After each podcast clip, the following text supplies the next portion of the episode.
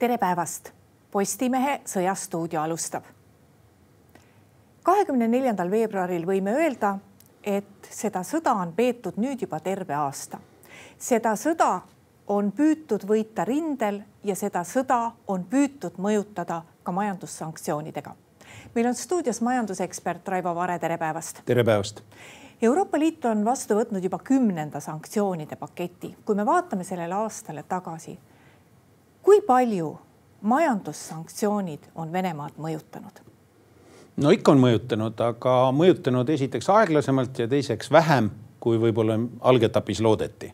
ja see on osaliselt seotud sellega, et tegu on objektiivse küljega ehk siis noh, Venemaa majanduse seotus, tema struktuur, kõik muud asjad mõjutasid seda ja, aga teiselt poolt on see seotud ka sellega, et neid sanktsioone on tilgutatud sellisel viisil niimoodi samm-sammult aeglasemalt, kui võib-olla oleks äh, mõnel puhul võinud käituda, aga seal on ka omad loogikad, miks see on nii tehtud no üks nendest loogikatest on kahtlemata see, et sanktsioonid Venemaale on tegelikult majanduslik kaotus ka meile endale või sanktsioonide kehtestajatele.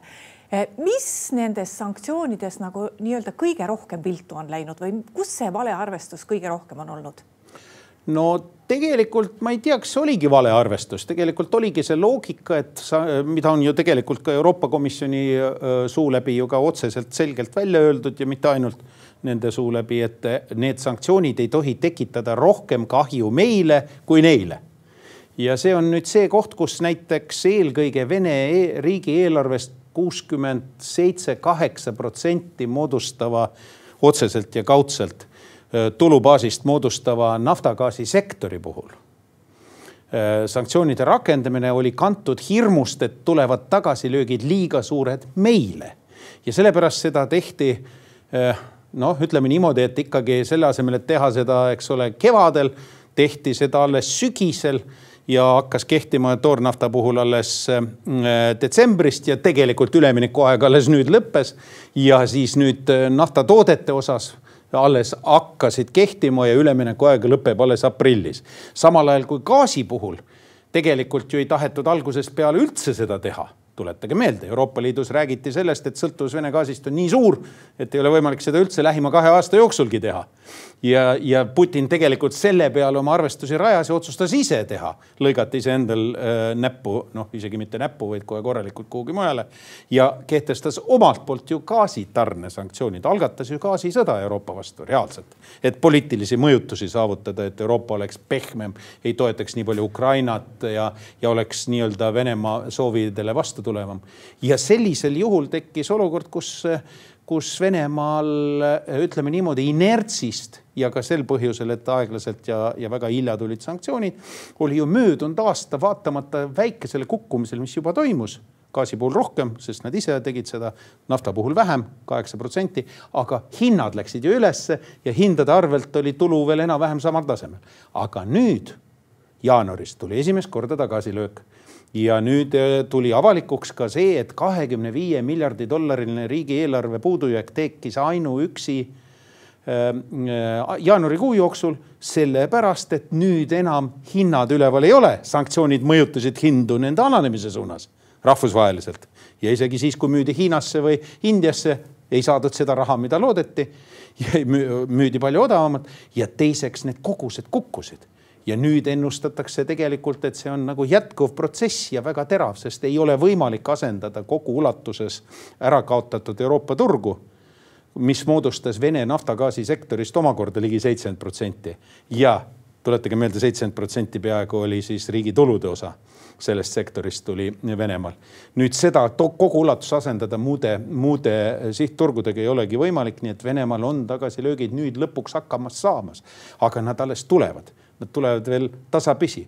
Soomes on üks väga huvitav äh, mõttekoda, kes neid arvestusi päris autoriteetselt peab ja rahvusvaheliselt neid tunnustatakse, kus kus tehti arvestus, et äh, nafta pealt, nafta ja naftatoodete pealt, nüüd on naftaplokist räägime, sai Venemaa iga, Venemaa tervikuna, mitte ainult riigieelarve, vaid tervikuna sai kaheksasada peaaegu miljardit, seitsesada üheksakümmend viis miljardit dollarit tulu möödunud aasta äh, detsembris ja detsembri sanktsioonide, tornata sanktsioonid viisid sellest minema sada seitsekümmend miljonit ja peaaegu ja nüüd, mil see on päevas, tuleta meelde, päevas ja nüüd needsamad sanktsioonid, mis praegu kehtima hakkasid, naftatoodete sanktsioonid viivad veel sada kakskümmend miljonit ära. ja kokku tuleb kakssada üheksakümmend seitsmesaja üheksakümne viiest, viissada miljonit ikka tuleb, pool miljardit päevas tuleb ikka veel sisse. tuleb alandada neid hindu jätkuvalt ja tuleb veel tihedamaks nii-öelda seda sanktsioonisõela teha. kas selleks ollakse valmis? võideldes inflatsiooniga, soovimata tekitada täiendavaid stiimuleid inflatsiooni jaoks ja survet läbi naftatoodete puudujäägi tarnete, tarnetes. võib-olla seda veel ei taheta teha, kuigi meie näiteks poolakad ja väga paljud riigid ju seda ka Euroopas on nõudnud, alandada kuuekümne pealt see piirhind kolmekümne peale, see viiks veel nende arvestuste järgi kuskil saja, suurusjärgus sada kaheksakümmend miljonit päevas ära, nii et, nii et nii see käib, ega sanktsioonidega ongi niimoodi, et ei ole lihtne no tegelikult hirm Euroopas tõepoolest äh, selle ees, kuidas see talv üle elatakse, oli päris suur. no see talv ei ole veel lõpuni üle elatud, aga me oleme juba veebruari lõpus. ehk siis ütleme niimoodi, kevad paistab ja tegelikult nii hullusti ei läinudki, kui kardeti no siin on kaks probleemi, üks probleem on see, millest kõik räägivad ja mina kaasa arvatud, me räägime sellest, et noh, et äh, hoidlates on soojem talv oli, kui kardeti ja hoidlates on nii palju gaasi, et nüüd me veame selle talve lõpuni välja. nafta saame mujalt, naftatooted saame ka mujalt, ei ole hullu aga nüüd häda on selles, et järgmine aasta on samuti meil ees ja me ei tea, milline talv tuleb, meil on vaja hakata selleks varuma. ja nüüd on olukord, kus muuseas juba on hakatud sellest kirjutama rahvusvahelises meedias, et need firmad, kes olid nüüd selle hirmu najal varunud täis nii-öelda kõriauguni varunud täis kõik eh, hoidlad gaasist, on nüüd hädas, sest nad varusid neid kõrgete hindadega. mäletame, mis olid möödunud aasta hinnad nüüd uues olukorras on hinnad alla läinud erinevate asjaolude kokkulangemisel ja nüüd uue talve tulekuni isegi nende olemasolevate gaasihoidlate tühjendamine ei ole võimalik sama hinnaga enam. mis tähendab ju kahjumeid majanduslikult. ja kuidas sellest välja saada? teiseks, ilmselt ka järgmiseks talveks tuleb varuda gaasi niimoodi, et venelastega arvestada ei saa. ja ei tahetagi ja ei peagi ja selle tulemusena tekib olukord, kus peab seda hakkama, hakkama kuskilt mujalt tooma. jällegi mujalt toomisel on omad tehnilised, pikk jutt, meil ei ole eetris aega, miks on keerulisus vaatamata sellele, et on olukord paranenud, ikka veel jääb puudu paarkümmend protsenti vajalikust äh, tasemest äh, vedelgaasi kaudu äh, hankitud gaasist ja torugaasist, mis tuleb mujalt Norrast, Alžeeriast. ja see tähendab seda, et järgmiseks talveks võivad vabalt jälle hinnad üles hakata ronima ja kui need hirmud ka veel suureks lähevad seoses talvega, et talv tuleb veel külm siis ega gaasi osas on meil probleeme natukene tulevikus. mis puudutab naftat, see elatakse üle, sellepärast et toornafta tegelikult mujalt saab seda ka täpselt samamoodi Euroopa sellega saab hakkama ja naftatoodete osas, kus kõige suurem on olnud Venemaast sõltuvus tegelikult diisli osas diiselkütuse osas, siis diislit lihtsalt teised toovad. piltlikult öeldes hindud praegu veavad odavamat, palju odavamat Vene toornaftat sisse, töötlevad ära. Grupp Reliance on neil sihuke ja saadab selle Euroopasse ja me lihtsalt maksame selle vahetranspordikulu kinni, aga me selle saame. Eh, kuidas selle sõja esimeseks aastapäevaks on eh, paika saanud need polariseerumised, kes on venelaste sõbrad ja kes on lääne sõbrad ja kes on seal kusagil vahel, eriti mis puudutab suuri riike, India, Hiina. no teate, ma olen siin loengutes ka kasutanud ühte sellist äh, väga kõnekat slaidi. teadupärast Venemaa on tituleerinud vaenulikeks riikideks need riigid, kes talle ei meeldi, sellepärast et nad on olnud sanktsioonide osas resoluutsed ja on sanktsioone kehtestanud. no laias laastus see on Euroopa Liit suuremas osas, välja arvatud Ungari ja, ja siis eh, mitmed teised riigid ka sinna hulka, eks ole. noh, Ameerika Ühendriigid, Kanada ja Austraalia ja nii edasi. ja nüüd on üks teine kaart, mis on selle kaardi kõrvale pandav.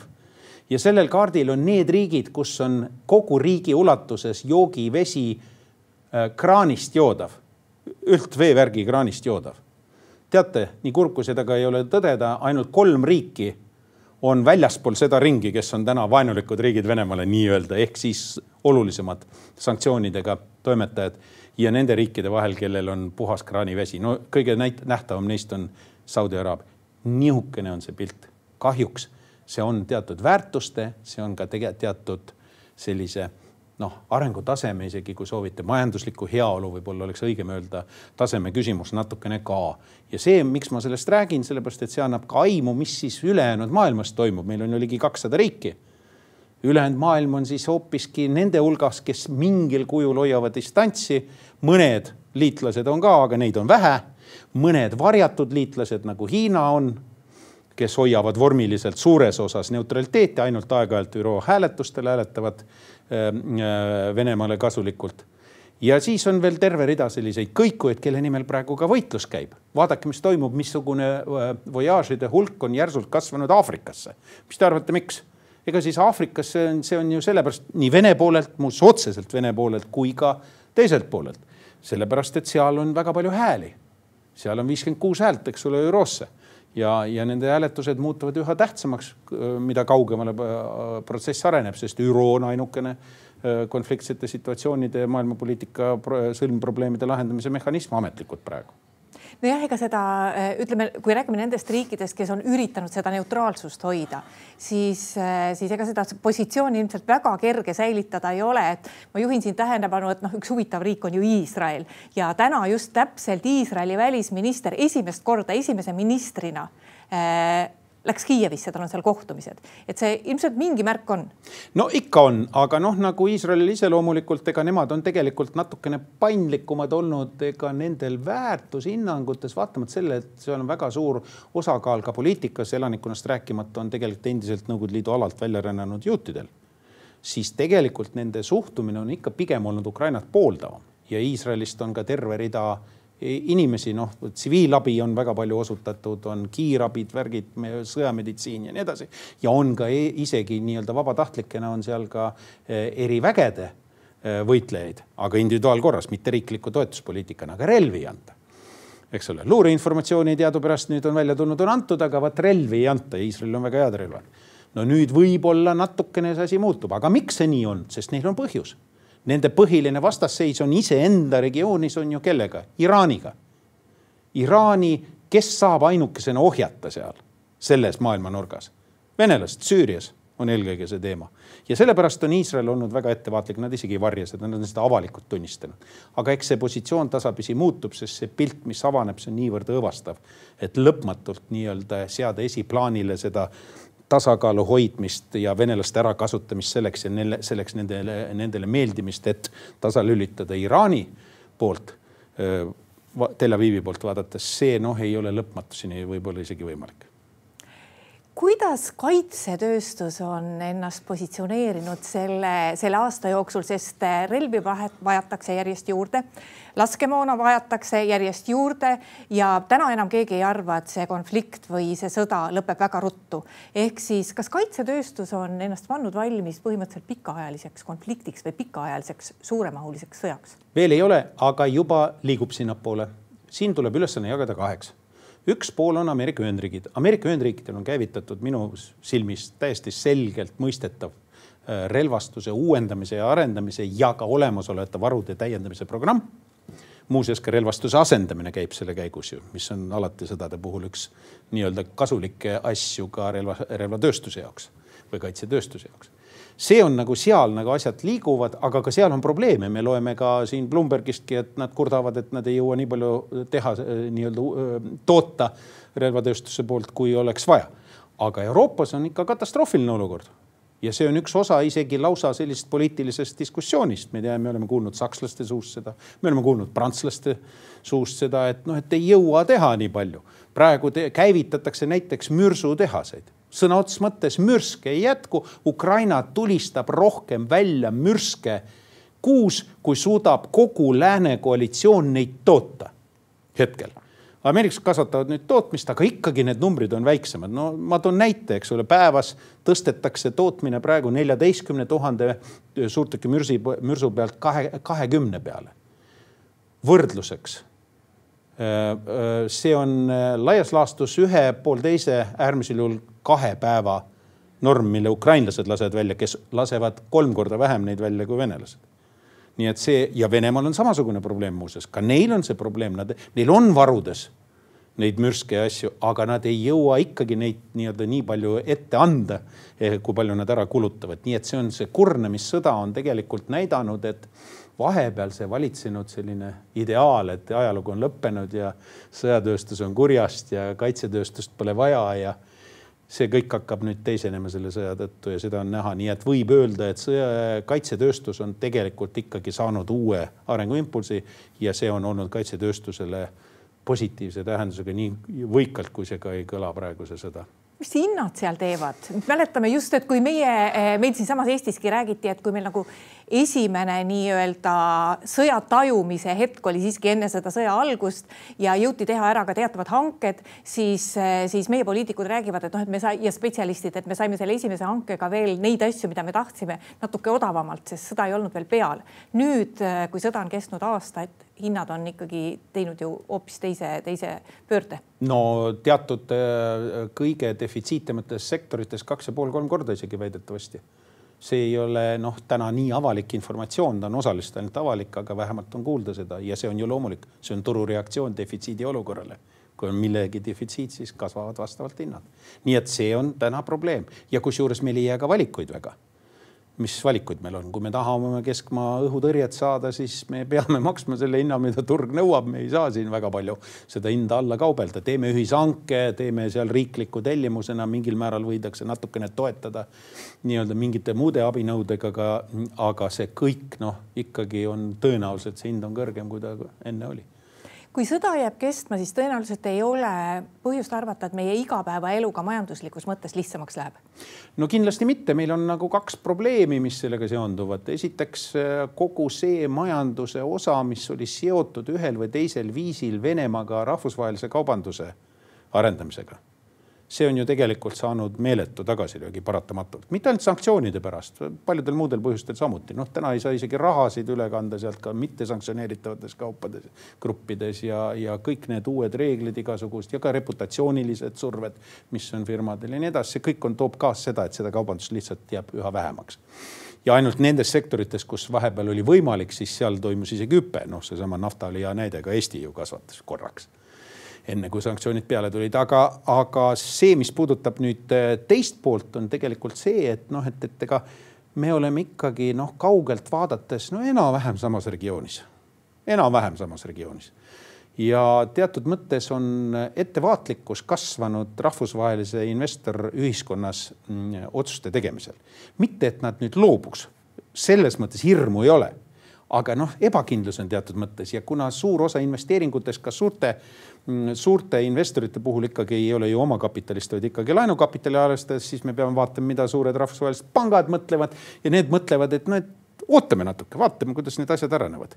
ehk siis on väga palju sellist edasilükkamist trendi tunnetada siitpoolt vaadates, et võib-olla mõned otsused on jäänud tegemata, mis vahepeal olid juba laual, aga noh, seal nad laual ikka konutavad veel edasi. see on halb uudis, sest meil on vaja investeeringuid, et majanduslikku arengut kindlustada no kui see sõda mingisuguse kokkuleppega või mingil moel ühel hetkel lõpeb, kui palju maailm on valmis ja kui palju majandusele annab juurde see, kui algab Ukraina taas ülesehitamine. ühelt poolt on see kahtlemata kallis, aga teiselt poolt on see majandusele ka ilmselt tõ suhteliselt tõhus periood no eks ikka noh, selles mõttes, kui me nüüd mõtleme, et see uus Marshalli plaan, mida Ukrainale tõenäoliselt on vaja rakendada, see on seal suurusjärgus kolmesaja ja poolest sajast miljardist ülespoole, ükskõik mis see lõppnumber on, neid numbreid on erinevaid nimetatud, siis see on ju kindlasti väga tugev impulss majanduslikus mõttes, mitte ainult Ukraina majanduse arenguks, vaid ka väga paljudele, väga paljude sektorite tegijatele rahvusvaheliselt turult ja loomulikult ka meile pakub see huvi.